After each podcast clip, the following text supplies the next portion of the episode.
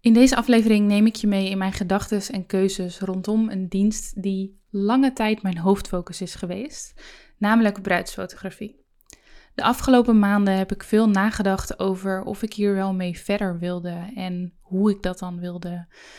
Er was zelfs een punt waarop ik bijna gestopt ben. En vandaag vertel ik je het hele verhaal. Welkom bij de Reisa Zwart podcast. Mijn naam is Reisa en ik ben fotograaf en businesscoach voor creatieve ondernemers. In deze podcast deel ik mijn eigen leerweg als ondernemer, de kennis en ervaring die ik de afgelopen jaren opdeed en beantwoord ik jouw vragen.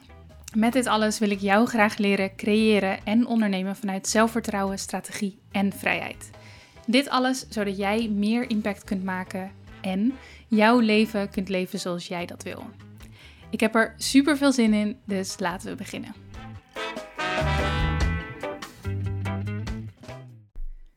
Super fijn dat je weer luistert vandaag. Zoals ik net al in het korte intro vertelde, deel ik vandaag over waarom ik bijna stopte met bruidsfotografie. En waarom ik het uiteindelijk toch niet deed. Misschien uh, volg je me op Instagram en heb je dit enigszins meegekregen. Um, Anyway, dit is een best specifiek en persoonlijk verhaal natuurlijk, wat ik vandaag met jullie deel. Zakelijk, maar ik bedoel meer best specifiek over mij. En toch denk ik dat er voor jou, wat voor ondernemer je ook bent en in welke fase je ook zit, dat er sowieso interessante lessen in gaan zitten. Allemaal komen we namelijk wel eens op een punt dat we ergens mee stoppen. Zowel binnen je bedrijf als daarbuiten. Um, of je komt tot het punt dat je bijna stopt en uiteindelijk toch niet, zoals nu in mijn geval. Het kan natuurlijk dat je op een gegeven moment ergens het plezier in kwijtraakt, nou ja, wel of niet terugvindt, of dat er een andere grote keuze voor je ligt binnen jouw bedrijf of binnen jouw leven in het algemeen. En ja, ik denk dat dit verhaal wat ik je vandaag vertel, deze aflevering, dat het in de essentie gaat over grote keuzes maken en over hoe je dat kunt doen en ja, misschien iets specifieker over hoe je bepaalt wat de volgende stap is binnen jouw bedrijf. Voordat ik dat doe, is het denk ik waardevol om mijn relatie met bruidsfotografie, mijn, mijn historie, um, even kort uit te leggen. Dus om mijn verhaal tot nu toe even met jullie te delen. Maak je geen zorgen, ik houd het kort. En ja, daarna wordt het denk ik alleen nog maar interessanter. Ja, bruidsfotografie dus. Bruidsfotografie is een hele lange tijd de hoofdfocus geweest van mijn bedrijf. Toen ik elf jaar geleden begon met fotografie, heb ik ehm, ja, eigenlijk nog voordat ik me inschreef bij de KVK volgens mij heel even van de modefotografie geproefd. Um, ik ben daar ook wel eh, nog wat mee doorgegaan toen ik me uiteindelijk had ingeschreven. Maar ja, heel snel switchte ik eigenlijk al naar de bruidsfotografie. En ik vond daar mijn plek, zo voelde dat. En zeker voor de eerste vijf jaar van mijn bedrijf en daarbinnen eigenlijk ook de eerste drie fulltime jaren, was bruidsfotografie mijn specialisme. Het was hetgeen dat ik het meeste markette, waar ik het meeste geld aan verdiende en ook het meeste tijd aan besteedde. En er was een punt waarop ik 35 ehm, bruiloften per jaar deed. Ik denk dat ik dat twee à drie jaar heb gedaan. En al snel bleek dat uiteindelijk te veel te worden. Het was prima om mee te beginnen, uh, maar ik merkte al snel dat ik dat niet ging volhouden. Ik ben toen teruggeschaald naar 25 bruiloften per jaar, uiteindelijk naar 20 en uiteindelijk in de afgelopen jaren naar 10. En tegelijkertijd kwamen er andere projecten en diensten bij, zoals mentoring, commerciële fotografie, print on demand, uh, mijn e-learning producten, zoals online trainingen, mijn platform voor fotografen, storytellers.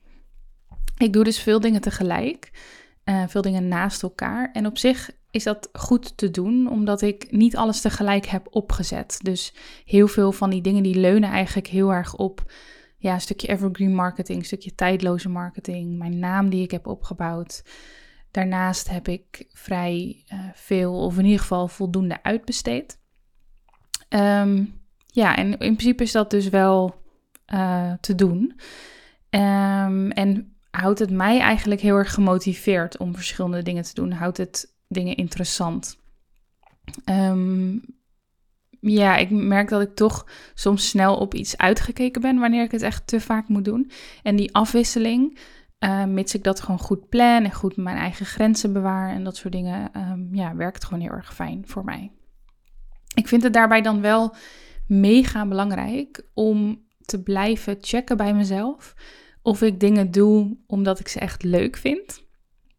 Of omdat het vanuit um, ja, uiteindelijk een soort van convenience is. Van oh, dit is nu zo, soort gemakzucht. Uh, en ik ga hier maar mee door. Uh, ik wil ook niet dingen om het geld doen. Um, ik wil dat mijn bedrijf de plek is waar ik gewoon ultiem geniet. Waar ik mooie dingen mag maken. Um, waar ik energie krijg. Uh, dat ik aan de ene kant mag blijven spelen. Um, en dat ik aan de andere kant ook impact maak. Samengevat, ik vind het belangrijk dat ik met mijn bedrijf en met de dingen die ik doe, dat ik de wereld uh, een stukje mooier mag maken op mijn manier. Hoe klein of groot dan ook.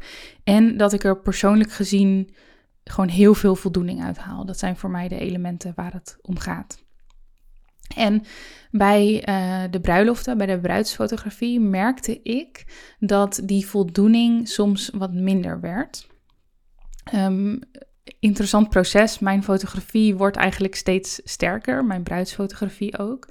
Um, de series die ik maak, ja, ik vind ze echt fantastisch. Ik ben er heel erg trots op. Mijn klanten zijn er heel erg blij mee. Maar ik merkte dus wel de afgelopen jaren dat er hier en daar, ja, dat er wat deukjes in die voldoening kwamen. Dat ik niet altijd meer evenveel energie ervan kreeg.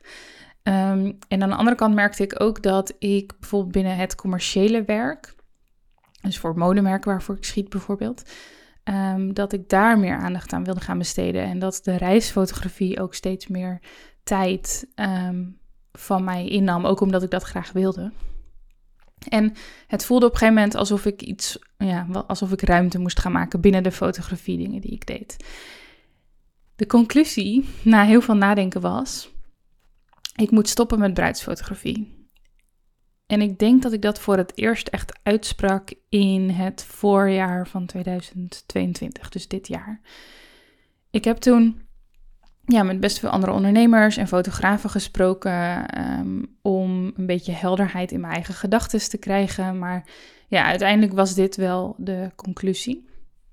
En op dat moment had ik nog negen bruiloften op de planning voor dit jaar. Dus ik dacht, um, ja, het leek me gewoon een goed idee om mijn huidige bruidsfotografie klanten, dus de klanten van dat jaar, te gaan mailen over deze beslissing die ik heb gemaakt. Um, daarbij uiteraard noemen dat ik hun bruiloft gewoon fotografeer, maar dat ik daarna stop. Ik dacht, het is wel fijn dat, zij dat eerst weten en dan kan ik vervolgens mijn site aanpassen, het op Instagram gaan delen en dan vanaf 2023 gewoon niks meer aannemen. Dus ja, was op zich gelijk heel duidelijk voor mezelf. Dit zijn volgens mij de stappen die ik moet gaan nemen om dit um, ja, mogelijk te maken. In ieder geval aan de kant van het stoppen. Oké, we spoelen even een paar maanden door in dit hele verhaal. Door naar augustus 2022, het moment dat ik ook deze podcast opneem. Zeker vier à vijf maanden na die beslissing dat ik zei dat ik ging stoppen is er eigenlijk nog heel, heel weinig gebeurd. ik, uh, ik, ik, ben wat aan het stoeien geweest met mijn website. Uh, zit al veel te veel tijd in eigenlijk. Ik heb um, heel vaak op het punt gestaan om mijn klanten te mailen. Om het vervolgens uiteindelijk toch niet te doen. En dit hele uh, ding, dit hele uitstellen, is echt helemaal niks voor mij. Ik herken mezelf hier helemaal niet in. Ik ben gewend dat ik eigenlijk goed en snel keuzes kan maken, knopen kan doorhakken. Ik baseer mijn keuzes eigenlijk heel erg op mijn gevoel. En ja, zodra ik een keuze heb gemaakt, kan ik gewoon heel snel verder eigenlijk. Dat heb ik altijd al gehad binnen mijn bedrijf. Dat ik um, knoop doorhak, daar ook geen spijt van heb en gewoon doorga. En um, ja, dit, dit duurt nu al een hele tijd dat ik dit aan doe. Dus dat, dat past eigenlijk helemaal niet. Ik heb nooit last van uitstelgedrag. En um, er daagde me eigenlijk, nou misschien voor het eerst twee weken geleden nu, dat er hier iets niet helemaal goed zat. Want als ik 100% overtuigd was van deze keus, de keuze om te stoppen, dan had ik al lang actie ondernomen. Goed, ik moest dus weer een soort van terug naar die, terug naar die tekentafel. Ehm, ja, ik ging, ik ging weer uh, daar veel over nadenken. Um, en als ik nu terugkijk op die periode dat ik uh, ja, dacht dat ik zou gaan stoppen met bruidsfotografie, denk ik dat ik gewoon nooit 100% overtuigd ben geweest. Ik wilde iets veranderen. Ik voelde dat er iets moest veranderen. En ik dacht dat dat betekende dat ik moest stoppen met bruiloften. Um, het ding is, ik heb nu de afgelopen maanden natuurlijk weer nou ja, die negen bruiloften gefotografeerd. Nee, heel eerlijk, zeven. Ik moet er nog twee. Um, en ik merkte eigenlijk dat ik toch weer meer genoot van die bruiloften dan dat ik van tevoren had gedacht. Um, ik raakte in de war daardoor. En in uh, juli kwam eigenlijk een soort van omkeerpunt voor mij. Ik schoot namelijk een bruiloft in Zuid-Frankrijk van Amerikaans stel. Er waren 19 gasten aanwezig, dus een hele, intieme bruiloft. Heel dankbaar stel. Um, iedereen was eigenlijk die dag echt super dankbaar, heel warm. Natuurlijk echt een prachtig stel, prachtige bruiloft met echte emoties. Um, heel veel liefde die dag. En uh, bijvoorbeeld ook een super enthousiaste videograaf waarmee ik mocht werken. En die dag ging het vlammetje gewoon weer helemaal aan. Ik genoot zo erg van die dag en de dagen daaromheen. Um, ja, ik was iets langer in de Provence. Dat doe ik meestal om een beetje te aarden en uiteindelijk ook nog gewoon wat te zien en te genieten voordat ik weer terug naar huis ga. En die hele trip voelde gewoon ontzettend goed. En dat was eigenlijk voor mij wel een teken dat ik, um, ja, dat helemaal stoppen misschien helemaal niet the way to go is op dit moment. Dat ik daadwerkelijk terug naar die tekentafel moest en mocht en mocht gaan nadenken over wat ik wel precies wilde. En ik kwam op het volgende uit. Ik ga vanaf volgend jaar, dus 2023, nog maar 2 à 3 bruiloften per jaar fotograferen. En voor nu denk ik dan um, voornamelijk aan destination weddings, dus bruiloften in het buitenland. Of in ieder geval hele, hele intieme, warme bruiloften met een bepaald avontuurlijk gevoel. Het liefst een internationaal gezelschap. Um, ik merk dat wanneer klanten uit een ander land of een andere cultuur uit een ander land komen of een andere cultuur hebben, dat ik daar ook heel erg goed op ga, dat ik dat heel tof vind. Um, die voorwaarden eigenlijk. En dan dus maar 2 à 3. Dus dat betekent dat je natuurlijk nog meer gewoon kan kiezen. En ook eigenlijk vanuit het gevoel van ja, als er niet 2 à 3 leuke bruiloften op mijn, op mijn pad komen, of nee, drie fantastische bruiloften, laat ik het zo zeggen, dan neem ik ze gewoon niet aan. En dan is het ook oké. En ik merkte dat, um, ja, toen ik dat had bedacht, voelde dat gelijk veel beter dan die keuze om gelijk, om, om volledig te stoppen eigenlijk. En ik merkte dat ook heel praktisch gezien toen ik um, weer ging werken aan mijn website. Want ik ben dus bezig met mijn website. Binnenkort uh, is hij af en kan ik hem met jullie delen.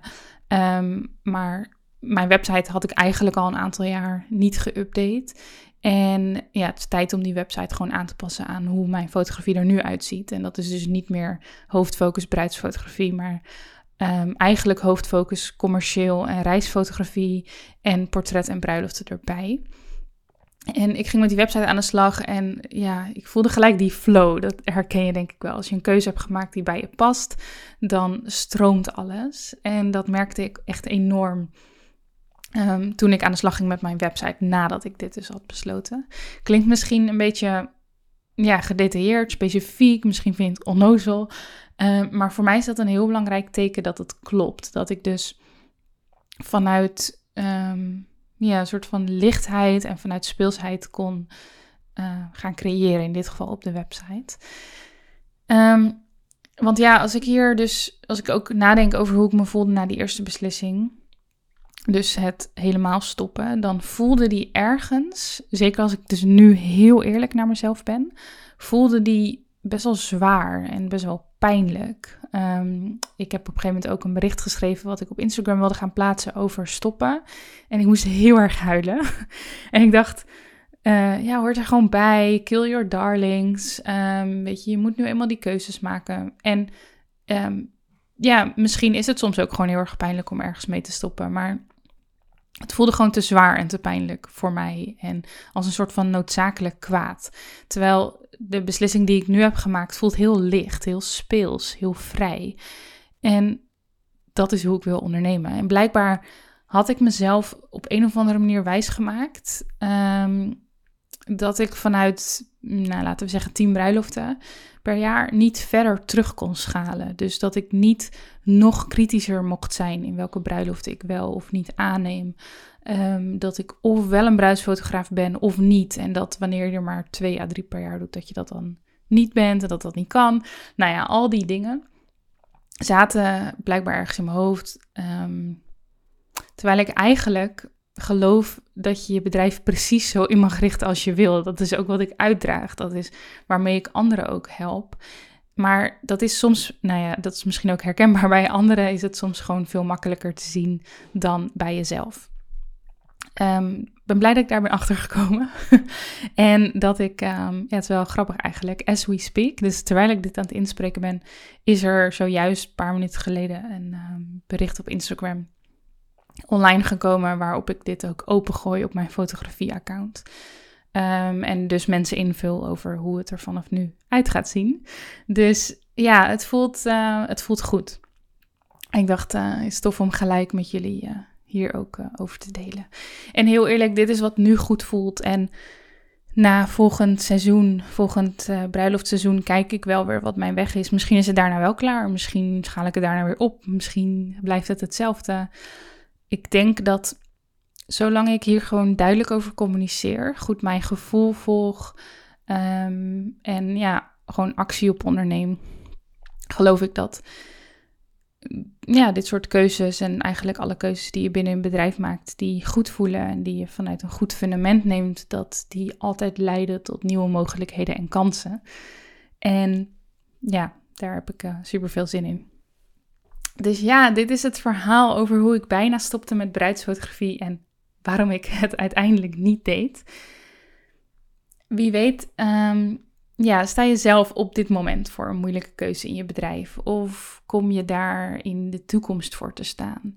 Of misschien um, heb jij de beslissing nog voor je liggen of je fulltime wilt ondernemen. Of um, ja, of je dat wil, wanneer je dat wil. Nou ja, daar zijn natuurlijk ook allemaal keuzes hè, die echt super veel te maken hebben met um, het gevoel uiteindelijk en ook een stukje strategie. En ja, misschien als je voor die moeilijke keuze staat of als je erin zit, kun je denken aan mijn verhaal, wat ik uh, bij deze met je heb gedeeld. Misschien kan het je helpen om de juiste keuze te maken.